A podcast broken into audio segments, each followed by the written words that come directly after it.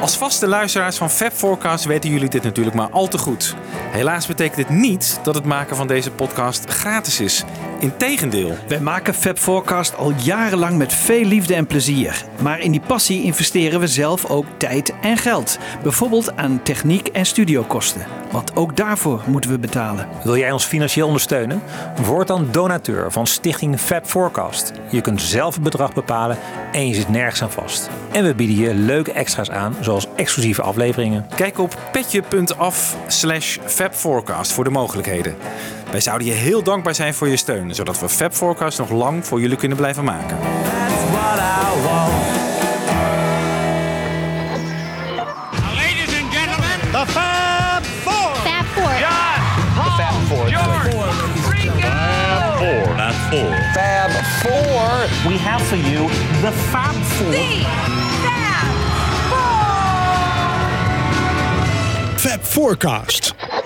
We're going to play Electric Light Orchestra uh, from last year, Showdown, which I thought was a great record, and I was expecting it to be number one, but it, I don't think uh, UA got their fingers out and pushed it. And it's a nice group. I call them Son of Beatles, although they're doing things that we never did, obviously. But I remember the statement they made when they first formed was to carry on from where the Beatles left off with Walrus, and they certainly did. Now, for those uh, people who like to know where licks and things come from, which I do, because I'm always nicking little things myself, this is a beautiful combination of I heard it through the grapevine by Marvin Gaye and uh, Lightning Strikes Again, Lou Christie. And it's a beautiful job with a little walrus underneath.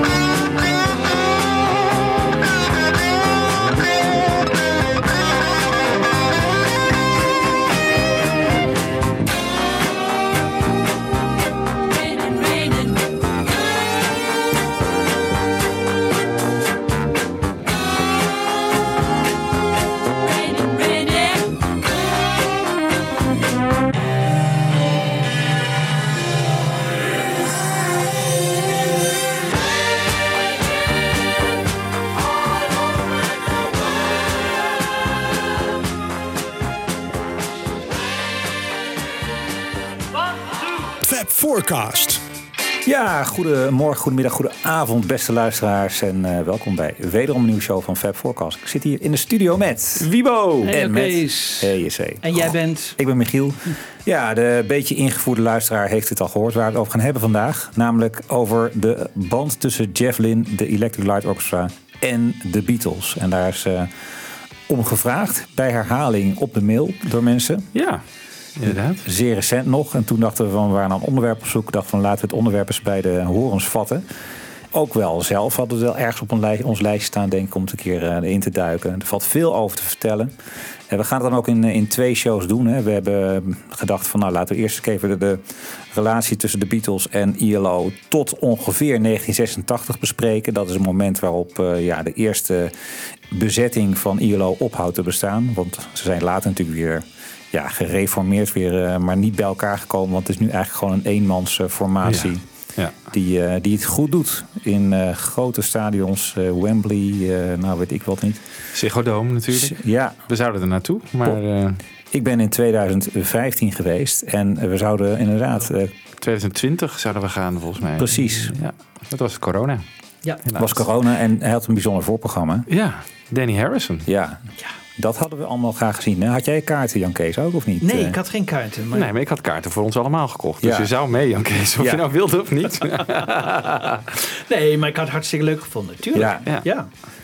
Dat is helaas niet doorgegaan. Misschien komt het nog een keer. Ehm, maar we gaan er induiken. En eh, een beetje op dezelfde manier waarop we al al een keer met, eh, over Tom Petty hebben gesproken. Iemand met wie Jeff Lynne natuurlijk ook heeft samengewerkt. Ja. En er is heel veel over, over te vertellen. En wat we hier hoorden aan het begin was natuurlijk eh, een heel erg mooi fragment. En natuurlijk iets zeker als je weet als Lennon later eh, er niet meer is. Dan heb je toch dit fragment. Jeff Lynne zijn een mooi om te Als hebben natuurlijk. een Beter Ja. dan dit kan het gewoon niet worden. Hè? Ja, het is dat je audio niet kan inlijsten, maar anders zou die aan het vuur hangen, denk ik. Nee, dat is heel mooi gezegd. Want ehm, het is dus bij eh, Dennis Elsers, en, eh, wie eh, Lennon op een gegeven moment een uur of iets langer zelfs op bezoek is. En daar een beetje de DJ gaat uithangen, maar ook heel veel over zijn Beatles verleden vertelt. Bij WNEW-FM. En het is een, een grootheid in de Amerikaanse radiojournalistiek. Hij heeft heel veel grote artiesten geïnterviewd. Maar hij zegt zelf ook van ja, dat Lennon langskwam eigenlijk om zijn album Walls and Bridges te promoten. En daar zo onbevangen en ook makkelijk praat over van alles en nog wat. Ja, zoals Lennon dat natuurlijk als, als geen ander kon. Was voor hem een hoogtepunt. En voor Jeff Lynne is ondertussen ook fantastisch dat hij eh, zo Showdown eh, Ja. de hemel in prijst. Ja. En de link legt met Marvin Gaye en Lou Christie. Nou, dat Ja. moet de luisteraar zelf maar gaan opzoeken. ja, Marvin Gaye hoorde ik wel een beetje. Ja, een beetje dat soulful, dat precies, ja. dat tempo. Ja, er wordt heel vaak gezegd van, eh, volgens mij heeft, heeft George Harrison het zelfs gezegd van ja, op een gegeven moment waren de, de Beatles riffjes op die, eh, die Jeff Lynne kon jatten. En toen hield ILO ook maar op te bestaan. en in de laatste eh, Flaming Pie box van McCartney, die uitgebreide box, staat ook weer dat McCartney uitdrukkelijk tegen hem zei dat hij wel heel veel had gejat van de Beatles. Ja. Ja, het is natuurlijk heel evident door de Beatles eh, beïnvloed. En, ehm, nou, ja, is gaan- het invloed of is het echt jatten? nou, ik vind dat. Nee, ik vind het echt invloed. Eh, het is, eh, we gaan zo meteen nog wel een stukje van een van hun eerste singles. Hun eerste singles ILO, 10538 Overture. Daar zit een stukje Dear Prudence in. Ja, ik, kijk, eh, Jeff Lynne is later zelf ook over gevraagd. En op een gegeven moment zegt hij van ja, het is een beetje bullshit. Die eindeloze vergelijking met de Beatles. Ik hou gewoon van mooie eh, opeenvolgingen van akkoorden. Die eh, fijn mijn oor inglijden. En waarvan ik denk van dit klinkt mooi en het raakt mij. En het roept een bepaalde emotie op.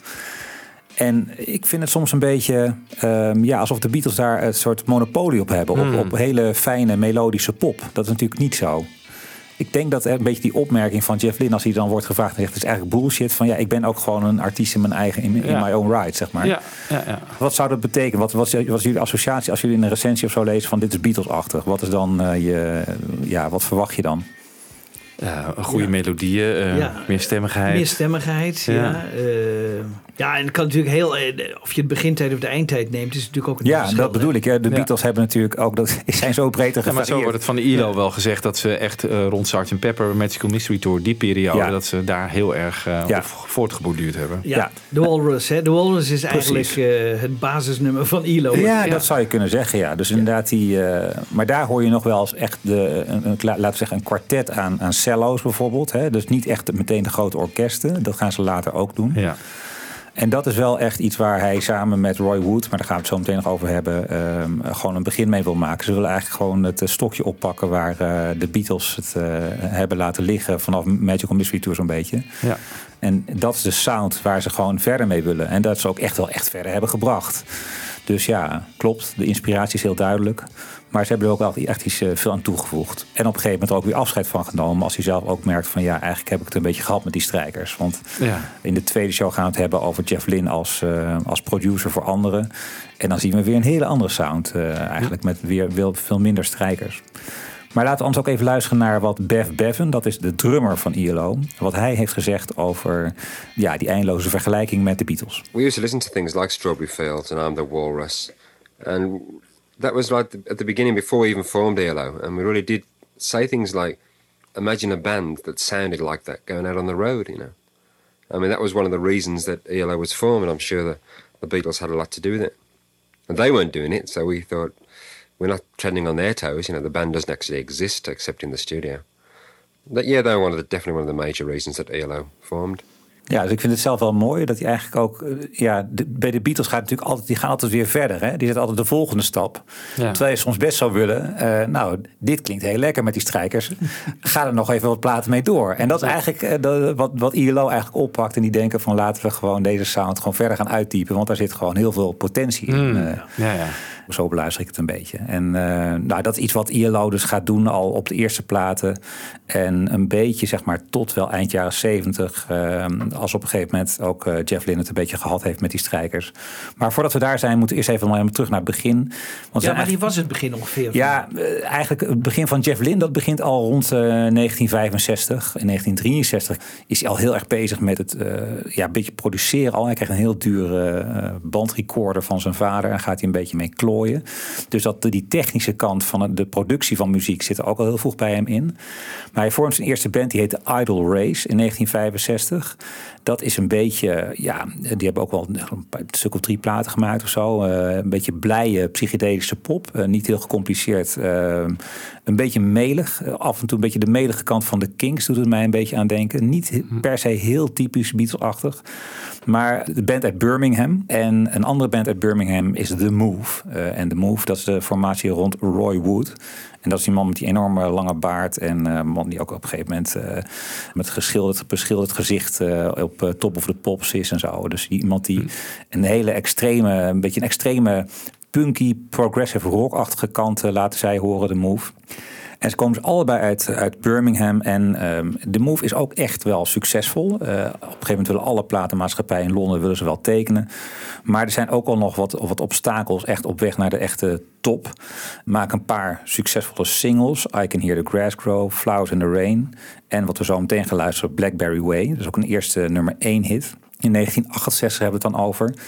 En ja, ik had het even over obstakels. Nou, die zijn er, eh, zijn er genoeg. Ze hebben bijvoorbeeld een, een aparte verhalen, maar een manager, die man heet Tony Secundo. En die zoekt een beetje op een hele overijverige manier de publiciteit voor de band. Nou, twee verhalen daarover. Hij is waarschijnlijk op een gegeven moment moet zijn plaat gaan uitbrengen. En dan steelt hij waarschijnlijk de geluidsbanden die er van die opname van die plaat zijn. En die gaat hij eh, ja, ontvreemden. En dan komt in het nieuws, gaat aangifte bij doen bij de politie. En dan komt in, dus in het nieuws van hey, de banden van het nieuwe album van The Move zijn gestolen. En dat denkt die manager van hey, dat is een mooi verhaal. Ja. Ook een beetje gratis pers. Ja. Maar het, Beetje eh, give my regards to Broad ja, hè? inderdaad. Eh, maar hij, doet er iets te, hij gaat iets te, serieus mee, mee aan de haal. Want eh, ze zijn gewoon, moeten opnieuw die opnames gaan maken. En eh, op een gegeven moment krijgen ze weer terug. Maar dan is het al zoveel tijd en energie is in die nieuwe plaat gaan zitten. Nou, dat is, dat is een soort. Dan ben je echt gewoon je bent eigenlijk een streek aan het leveren. Een ander absurd eh, incident is dat hij op een gegeven moment een nieuwe single uitkomt. En die laat hij dan gepaard gaan van een tekening van eh, Harold Wilson, weet je wel, de bekende minister van die tijd. Die in een beetje een, eh, een compromitterende houding met zijn secretaresse is eh, verwikkeld. En daar gaat die Wilson dan een rechtszaak over aanspannen vanwege blasfemie of zo. Of schending van de goede naam. Zodat ze alle royalties van hun single moeten afstaan aan de minister. Dus dat soort, ja, eh, dan gaat het goed, maar dan, gaat, dan is ook alweer een soort keerzijde aan, aan dat succes. Ehm, nou, die manager die vertrekt uiteindelijk. Maar ook wel een beetje het klad komt in die band. eh, is de, muzikale koers natuurlijk altijd weer een punt van discussie tussen in, in, in die jonge beginnende bands.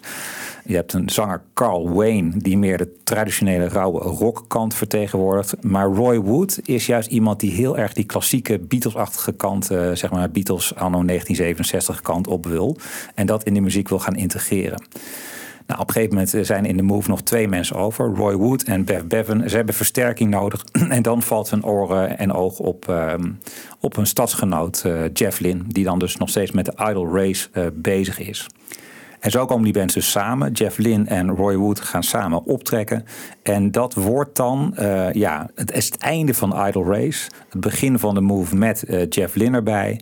En het grappige is dat Jeff Lynne ook zegt van nou, er moet een project zijn waar ruimte is voor onze klassieke experimenten. Dus ik wil wel bij de move horen, maar ik wil ook dat er ruimte is voor de, het ja, exploreren van die klassieke kant. Met in diezelfde bandleden wil je dat? Ja, eh, nou nee, dat zou vooral met Roy Wood zijn. Want, Oh, ja. want zij waren met z'n tweeën de songschrijvers en zij wilden echt samen die kant op. Ja, Bev Bevan zou dan ook wel meedrummen, maar er moest ruimte zijn voor die kant van het verhaal. En dat wordt dan ILO. Dus eh, dat zag je dus niet zitten om dat alle- allemaal in de move te incorporeren. Maar dat Nee, moest dus een die- aparte band zijn. Ja, dat moest een aparte band zijn, want de Move had ook een heel eigen sound. En dat was veel meer een beetje pre-punk, zou je kunnen noemen, heel rauw.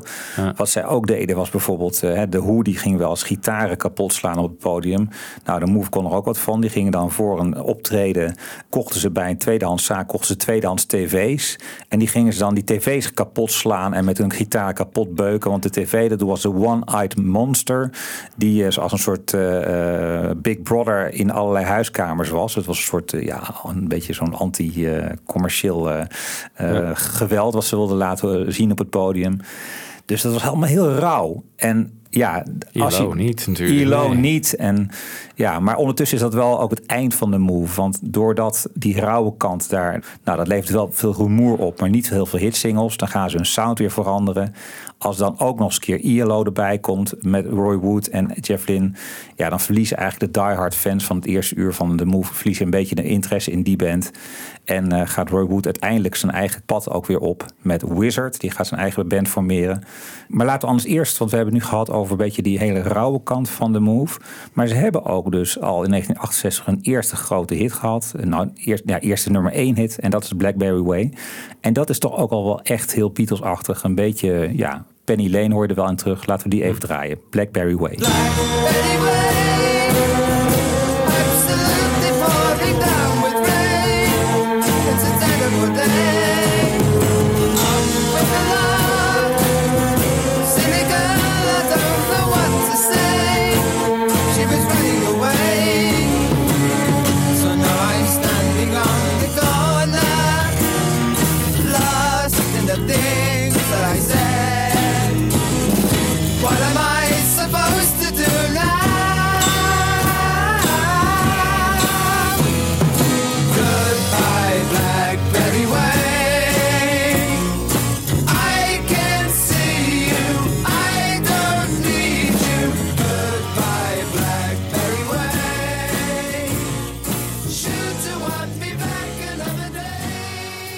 dus eh, de nummer één hit van The Move. Ik hoor ook een beetje James Bond-achtige invloeden. Hè? Met die violen. Dat Ja, die strijkers, Ah, ja. Ja, die strijkers. Ja, die hele brede... John Barry-achtige. Ja.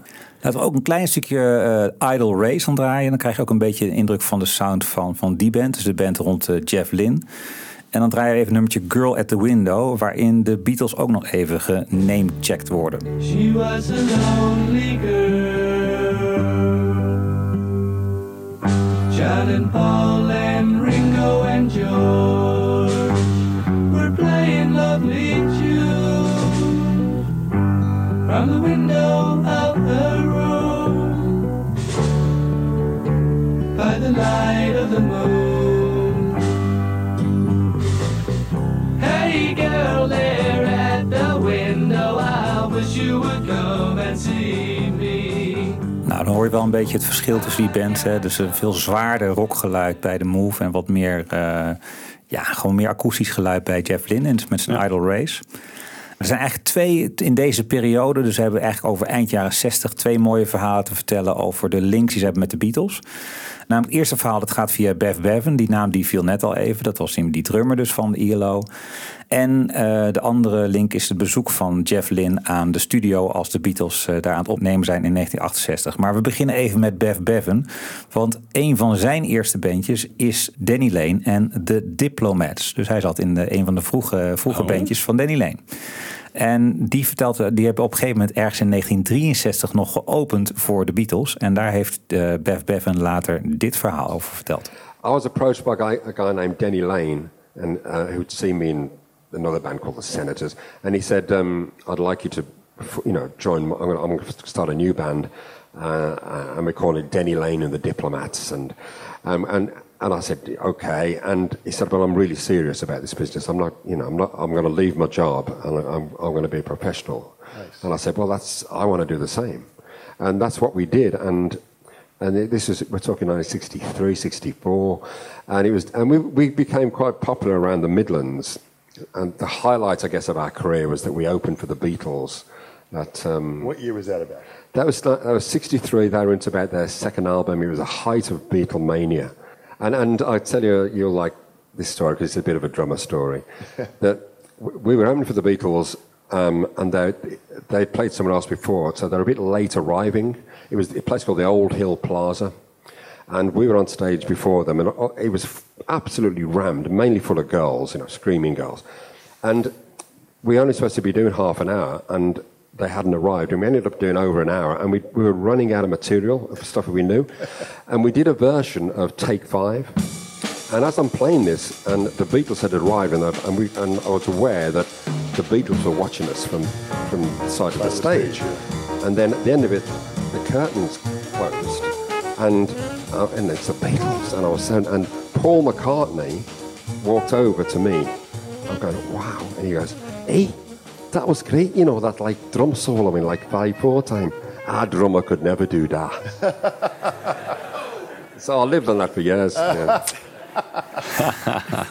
Dat is wel leuk. Wel mooi, hè? Ja. Dus het ging dan vooral, want dat nummer heeft inderdaad zo'n drumsolo, Ja. hè? Dus eh, Ja. daar gaat die drummer helemaal los. En Ringo had een hekel aan drums zo. Ja, zeker. Nee, dat is En, en, en John had een hekel aan jazz. Dus, eh, maar het is eh, wel een mooi, mooi verhaal. Dus hij heeft ook zijn eigen Beatles verhaal, deze Bev Bevan. Maar die Danny Lane komt dus ook uit Birmingham, hè? Ja. Toch? Een Moody Blues ook, hè? Ja. Ja. En, eh, en dus ook grappig om te horen dat hij zegt van ja, ik wil echt serieus aan de slag. Ik wil serieus Ja, eh, ik wil beroepsmuzikant worden. En worden. eh, ja, ja, en ik ook. ja, Ja, maar Birmingham was dus bijna een beetje een tweede Liverpool eigenlijk. ja, grote bands komen Ja. daar vandaan. Ja. En het tweede mooie verhaal, ja, die ga ik, moet ik echt even draaien. Want eh, Jeff Lynne krijgt op een gegeven moment zelf ook een uitnodiging om eh, de Beatles tijdens de opnames van The White Album eh, te zien spelen in Abbey Road. The call was the, the engineer answered it and he said, "Anybody want to go down Abbey Road and watch the Beatles recording?" And I was making my very first album. I was like about twenty, and I went, "What? Can't you say we're busy?" You know, and I said, "Yeah, let's go." And I was down in about ten seconds. And uh, once we got past the bloke on the door, you know, like, oh, like it was a bit dodgy. Like it was like going to this palace, you know, like this palace of recording. And this was just at the time I was. Uh, wanted to be a producer. I was making my first album. We sort of crept in and, you know, sort of said, hello, John, and hello, George. you know. And it was so scary, you know, it was just unbelievable. And it was just like surreal, it was like a dream, this thing. We're just like hanging out in all this, uh, this like wonderment. We got chucked out of there after about 10 minutes. And I couldn't sleep for like nights after that. Just like reliving it and going, oh, that snare sound? It was the biggest thrill, you know, ever because I, I got to see something I never dreamed possible.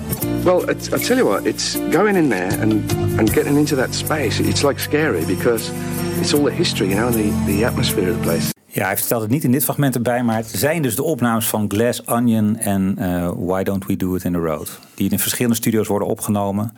En dan ziet hij dus op een gegeven moment de strijkers voor Glass Onion worden opgenomen. Dus het is natuurlijk al wel interessant dat hij eh, meteen weer strijkers ziet.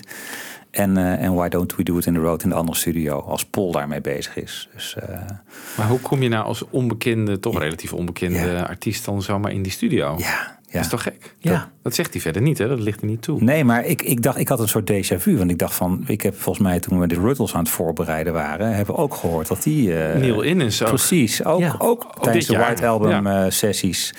Dus kennelijk was er toch wel, als je in de goede contacten had, eh, was het mogelijk om even een soort sneak peek te krijgen bij, bij de Beatles in de studio. Ja. Want het was niet zo dat Jeff Lynne ook in Abbey Road opnam.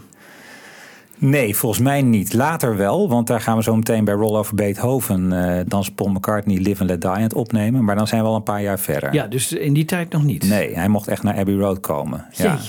Ja, en dat heeft een zware indruk gemaakt op hem. eh. En dit is dan nog op in de tijd dat hij zelf in de Idol Race eh, zit. Hij zegt ook van een een jaar of twintig of zo. Dus dan is Idol Race gewoon nog een band. En later wordt dat project met Roy Wood, Electric Light Orchestra, wordt steeds serieuzer. En de naam is altijd een beetje raar. Hè, van waarom noem je jezelf nou Electric Light Orchestra? Maar je had destijds de BBC Light Orchestra. Dat was eigenlijk gewoon het orkest voor lichte muziek. En zij deden veel met eh, elektrische lichten. En ze dachten van nou, laten we gewoon ons de Electric Light Orchestra noemen. Dus daar komt die naam dan vandaan. Nou, dat leidt dan tot een eerste plaat. eh, ILO eh, 1 is dat eigenlijk uit 1970. En dan zijn Roy Wood en Jeff Lynne nog bij elkaar. Met, ja, eigenlijk om samen te bouwen aan, die, aan een fascinatie voor de sound van de Beatles post eh, 1967. Eerst nog als een zijproject, maar op een gegeven moment wordt al wel duidelijk van ja, het talent van Jeff Lynne is heel erg groot. En je krijgt eigenlijk een beetje twee kapiteins op één schip. Toch wat muzikale oneenigheid tussen hem en Roy Wood. En Roy Wood die verlaat dan eh, ILO en die gaat dus Wizard eh, formeren. Die band kennen we wel van. Die hebben één klassieke kerstsingle gemaakt die nog wel geregeld wordt gedraaid. Eh, later niet heel veel meer van gehoord. En dan is eigenlijk Jeff eh, de grote man van de Electric Light Orchestra. Ja, en op dat debuut van ILO uit 1970 staat ook hun eerste single. Eerste grote klapper, waarop dus ook Roy Wood nog meespeelt. En dat is de 10538 Overture. En dat is toch ook wel echt een nummer met hele duidelijke Beatles klanken. Laten we daar even een, eh, een stukje van draaien.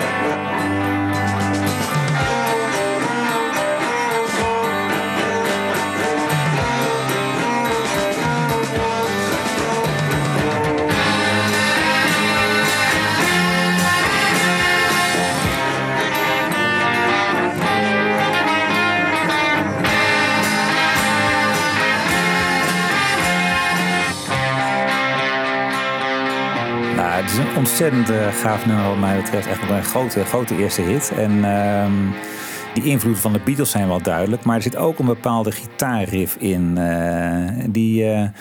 eh Wiebo, jij, ik weet dat jij toevallig fan bent van dit album, maar komt het jou nog bekend voor ergens? Zeker, ik noemde het net al. Het is eh The Changing Man van Paul Weller. Ja. Van Stanley Road. Heel Ja. goed, de opener van Stanley Road. Ja. Ja. Echt exact hetzelfde. Ja, ook in tempo, hè? En Ja, hele tempo. sound en eh Ja, vooral de gitaarriff is Ja. geen enkel nootje. Dat, Uit eh, welk jaar is dat ongeveer? Dat is uit 95. Ja, Oké, dus 25 jaar later. Ja. Ja, dat is de plaat met You Do Something To Me erop. Ja, eh, en, die, eh, ja. ja. ja, nou ja, laten we even een stukje laten draaien van The Changing Man van Paul Weller.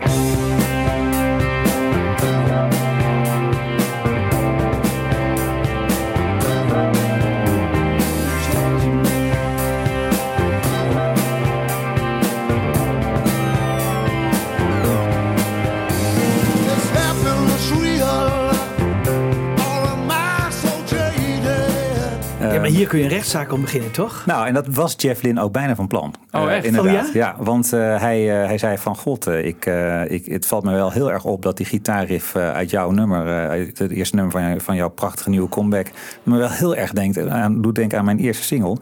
En toen heeft Paul Weller dus geantwoord van, oh, ken ik niet. Maar stuur maar even op dat, dat singeltje dan. Terwijl hij aan eerdere interviews altijd had gezegd dat hij een grote fan was van The Move. Dus eh, kijk altijd uit wat je zegt. Dus hij was natuurlijk ook heel schatplichtig aan al die vroege jaren, eh, die Britse pop. Ja. Dus hij, ja, hij viel daar behoorlijk door de mand. Nou, Jeff Lynne heeft er niet een enorm punt van gemaakt meer. Maar eh, het is inderdaad een eh, Ja, echt een rip-off. gelift, ja. Ja, dat heeft hij ook met, ehm, eh, toen hij nog eh, frontman van de Jam was, met ehm Taxman gedaan. hè? Zeker, ja. In het nummer Start. Ja,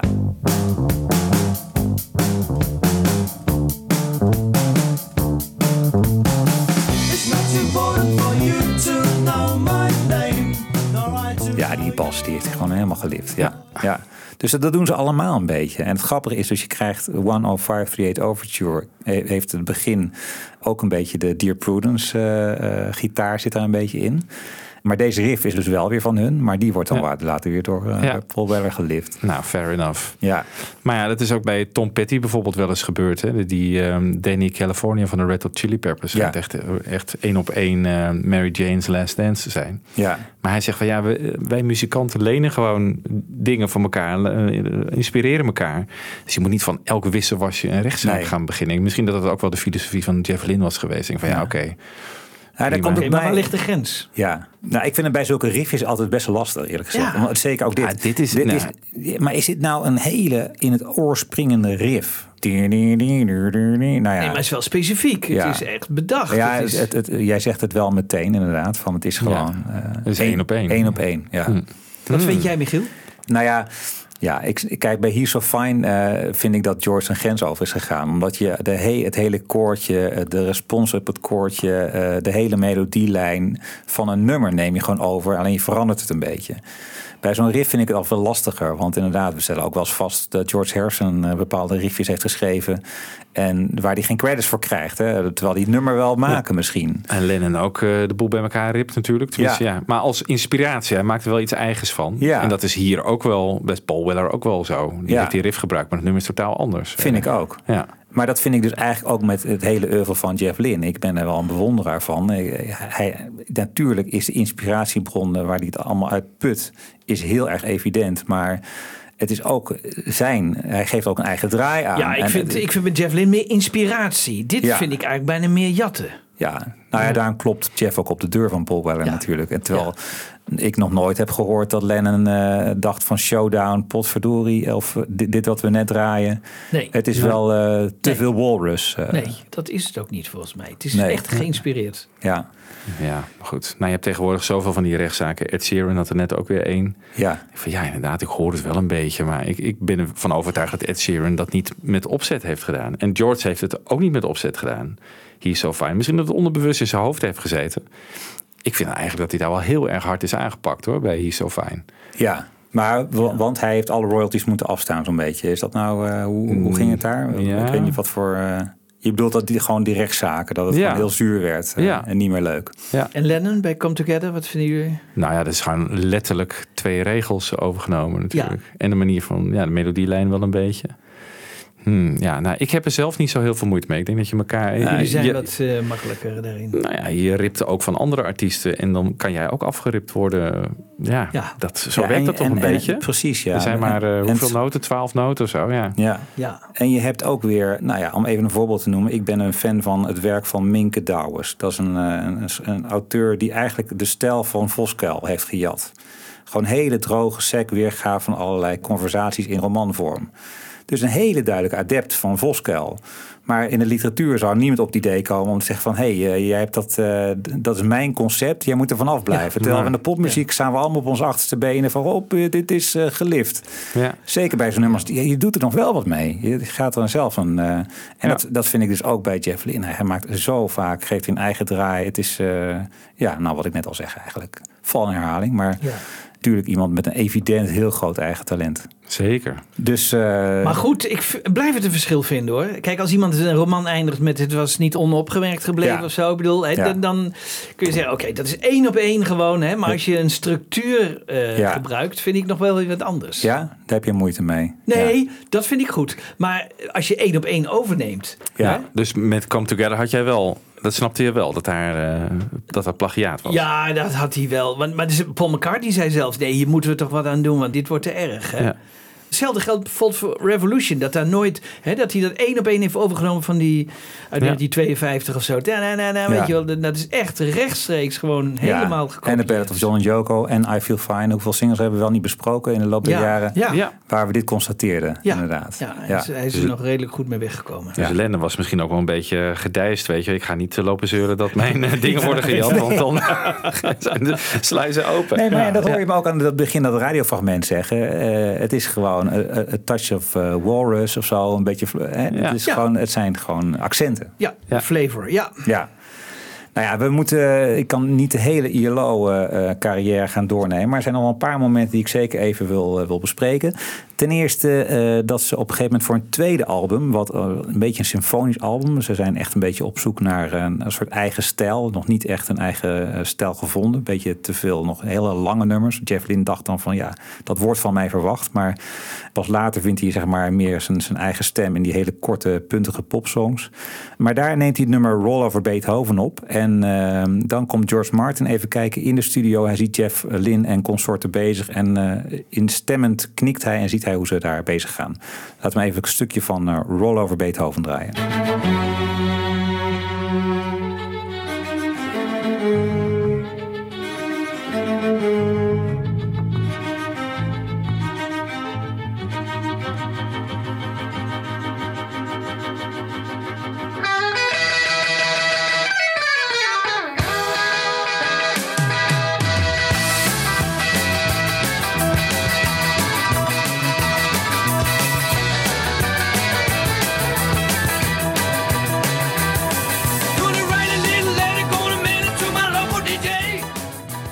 Dat is er een, ook weer een hitsingle, Roll Over Beethoven. Hebben ook heel veel live gespeeld. En dan vanaf het derde album komt eh, echt ook het grote commerciële succes. eh, met de plaat On The Third Day. Nou ja, er is op het internet heel veel over te vinden. Over, eh, het is wel weer grappig om daar een beetje in te duiken. En om te achterhalen dat er een, inderdaad een enorme grote commune is van mensen die al het materiaal van Jeff Lynne bij elkaar hebben verzameld. Ik was zelf op een gegeven moment wel avondenlang verslingerd aan de site jefflinsongs.com. En daar werd ook terecht ook melding gemaakt van dit nummer. Dat is een single ook nog geweest in Nederland. Dat is de ELO cover van Daytripper. Met daarin ook nog stukjes Handel. The Arrival of the Queen of Sheba. En stukjes uit de pianosonaten van Mozart. Dus eh, even deze. Die hebben ook nog veel in live concert gespeeld. Daytripper.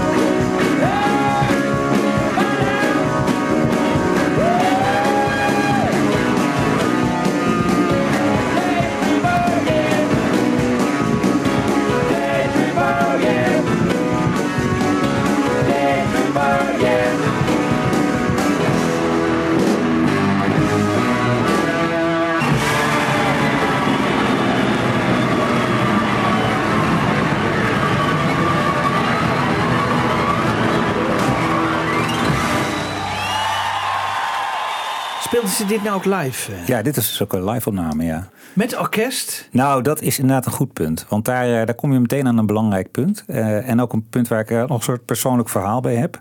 Ik ben, zeg ik eerlijk wel, best wel een beetje fan van ILO. En dat is ook een beetje gekomen door mijn oom, de broer van mijn vader. Oom Sieberen. Die in het publiek was toen ILO optrad eh, in 1974. Ik denk dat dat Ahoy was of zoiets dergelijks. En teleurgesteld was dat ze geen heel orkest eigenlijk op het podium hadden staan. Dat verwacht je natuurlijk bij zo'n band. Hè. Zeker als ze met zo'n naam, de Electric Light Orchestra. Nou, dan verwacht je toch wel, zou ik denken, een orkest op het podium. Ja. En ehm, ja, dat konden ze eigenlijk gewoon niet altijd opbrengen. En sowieso vonden ze het heel erg lastig om inderdaad die klassieke sound.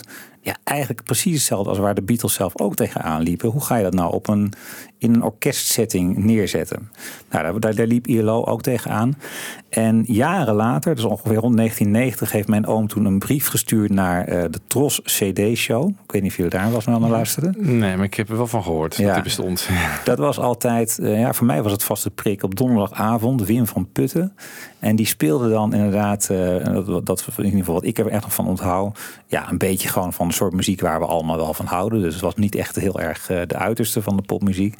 Maar hij liet ze altijd helemaal uitspelen. Dus dan kon je het zeg maar op een bandje opnemen. En dan ging de DJ niet aan het eind dan even overheen praten. Dat kon ik me altijd herinneren. ja. Dat Oh, was ja. altijd Was typisch dat voor de CD CD-show. Ja, het kan- heette eerst de LP-show en later verder dus de CD-show. Ja. Dus mijn oom stuurt daar een brief naar. Hij heeft het gewoon op papier geschreven, zeg maar niet, niet uitgetypt. En op een gegeven moment hoort hij van, verdorie, mijn, mijn brief wordt besproken in die cd-show. En die Wim van Putten leest het voor en die, die, die, die begint met te zeggen van, ja, ik heb hier een brief van. Ja, ik kan de naam niet helemaal lezen. Mijn oom heet Sieberen. Maar ik denk dat het staat Sijberen type Kemen. Eh, dus, en die schrijft dus over zijn ervaring bij ILO in Ahoy. Dat hij daar dus dat orkest gewoon mist. En dat dat dus heel teleurstellend was. Want juist rond die tijd, in 1974, is Eldorado uitgekomen. En dat is toch wel een beetje, ja, als je dan toch een vergelijking met de Beatles moet maken, een beetje het Sgt. Pepper van ILO. Dus als je niet echt in ILO zit, dan kan ik je die platen zeker aandragen. Dat is echt een, gewoon een onbetwist meesterwerk. Met onder meer ook eh, Can't Get It Out of My Head erop. En ehm, nou ja, daar doet uh, een beetje dat verhaal dus uh, uit de doeken hoe die uh, teleurgesteld was door het concert van ILO destijds in 1974. Maar nog altijd wel heel veel waardering heeft voor die plaat. En ik ben hem toen ook gaan kopen. En het is eigenlijk een, gewoon echt een meesterwerk. Een hele mooie plaat. En ja, ook wel weer een groter punt waar dus uh, op een gegeven moment uh, Jeff Lynne zelf tegenaan loopt. Die zei van ja, ik, ik kan gewoon niet meer. Uh, en dat, dat, is pas, nou, dat, dat spreken we een beetje over, alweer over begin jaren tachtig. Want hij toert nog wel flink door. Maar nooit met enorme orkesten. Het komt altijd wel uit de apparaten. Maar wel, ze zijn wel eind jaren 70, zeker als Out of the Blue uitkomt. Echt een hele grote concertact. En uh, wat zij onder meer bij in die Out of the Blue tour wel hebben, is een heel groot uh, ruimteschip. Laten ze gewoon uh, boven, boven de muzikanten op het podium staan, mm. neerzakken. En dat was dus zo'n enorme operatie dat ze ook A- en B-optredens hadden. Bij de A-optredens was het ruimteschipper, maar er was zoveel moeite om dat ding helemaal op te tuigen, dat ze dat bij de B-optredens niet deden.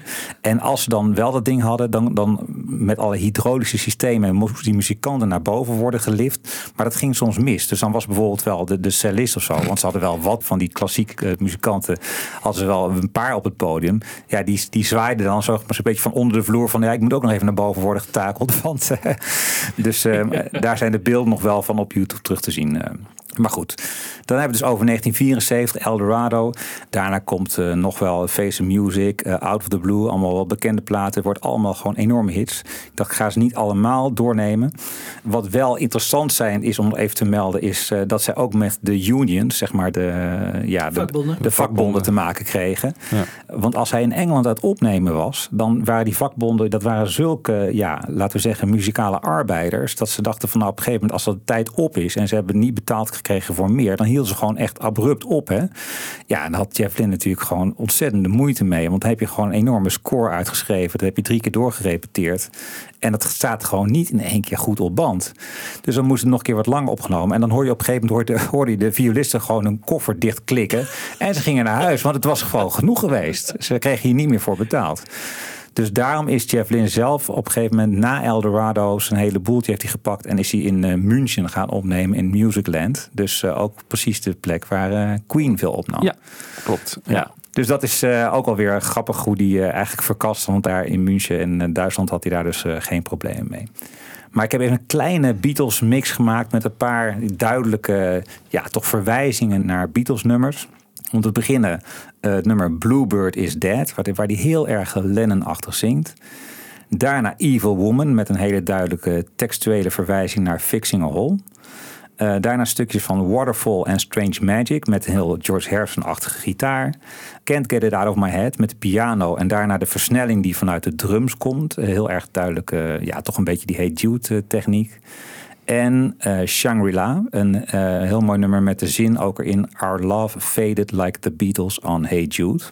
En daarna komt iemand nog die uitlegt hoe eh, Mr. Blue Sky, hun grootste hit van Out of the Blue, wat daarin is ontleend aan A Day in the Life. Dus laten we die even, even luisteren.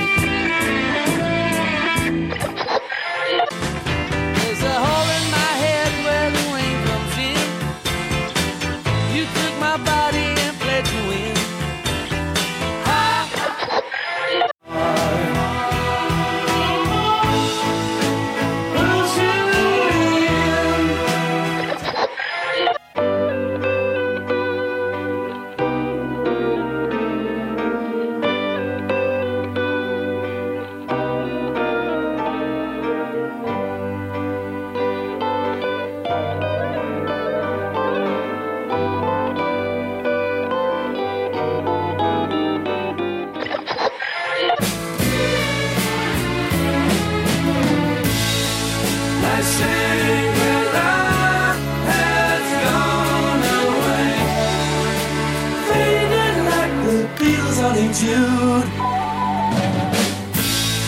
She sings. I saw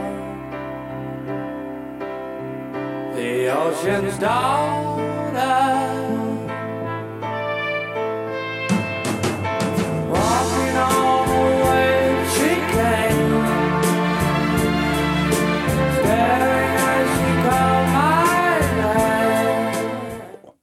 To create this joy, ELO looked at some of their biggest influences, particularly the Beatles.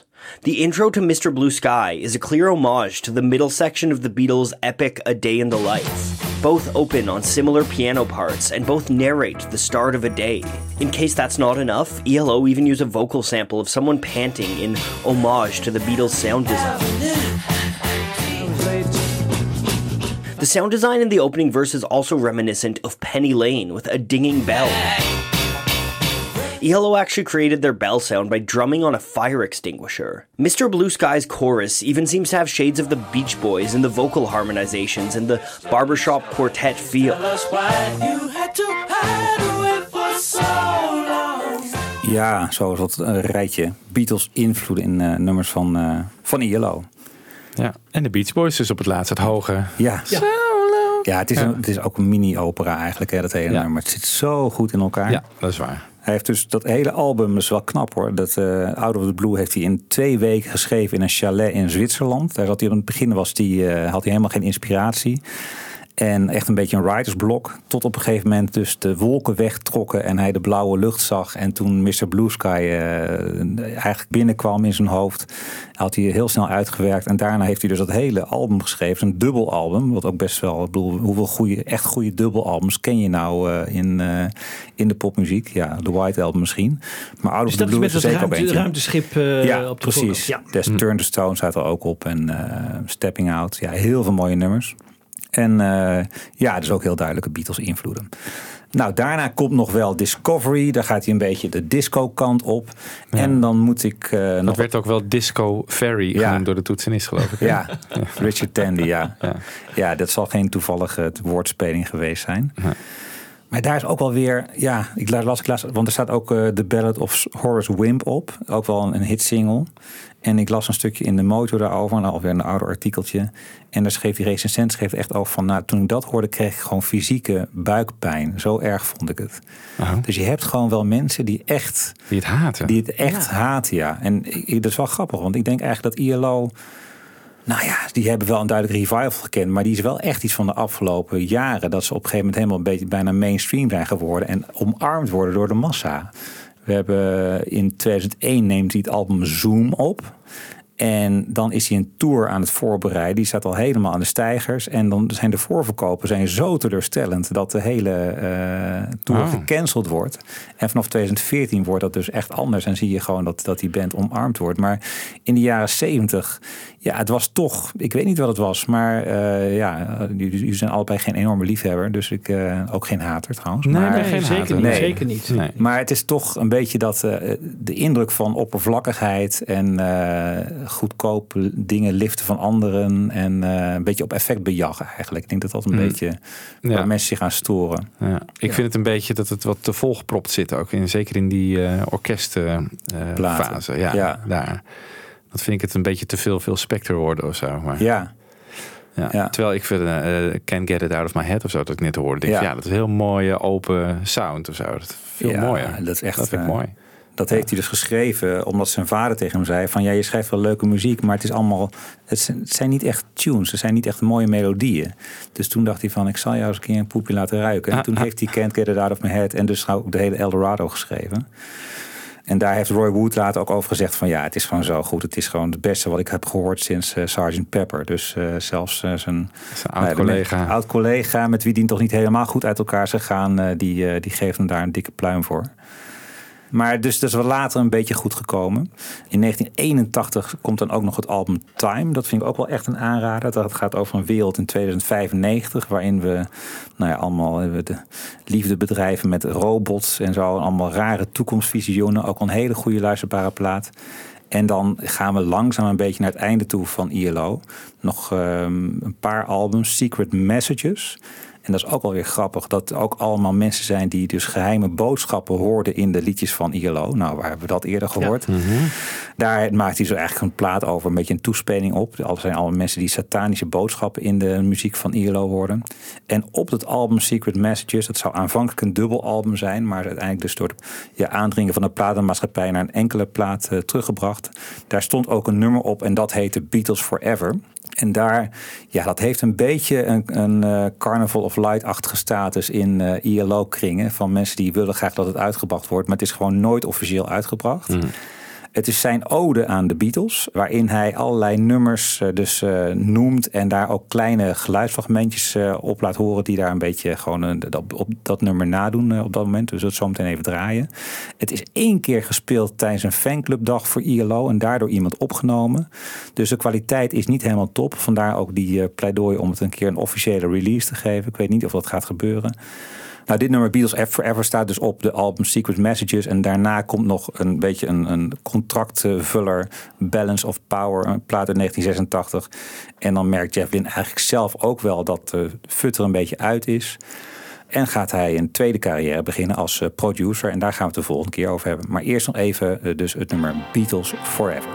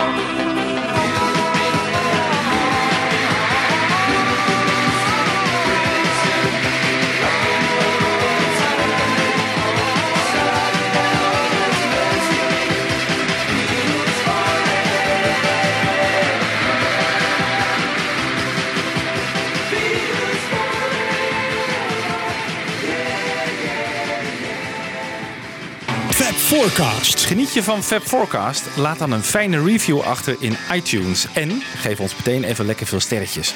Dat helpt andere luisteraars weer om ons te vinden. Heb je vragen? Mail dan naar fabforecast.gmail.com of kijk op onze pagina's op Facebook en Twitter. En de afleveringen van Fab Forecast zijn ook te beluisteren via Beatlesfanclub.nl.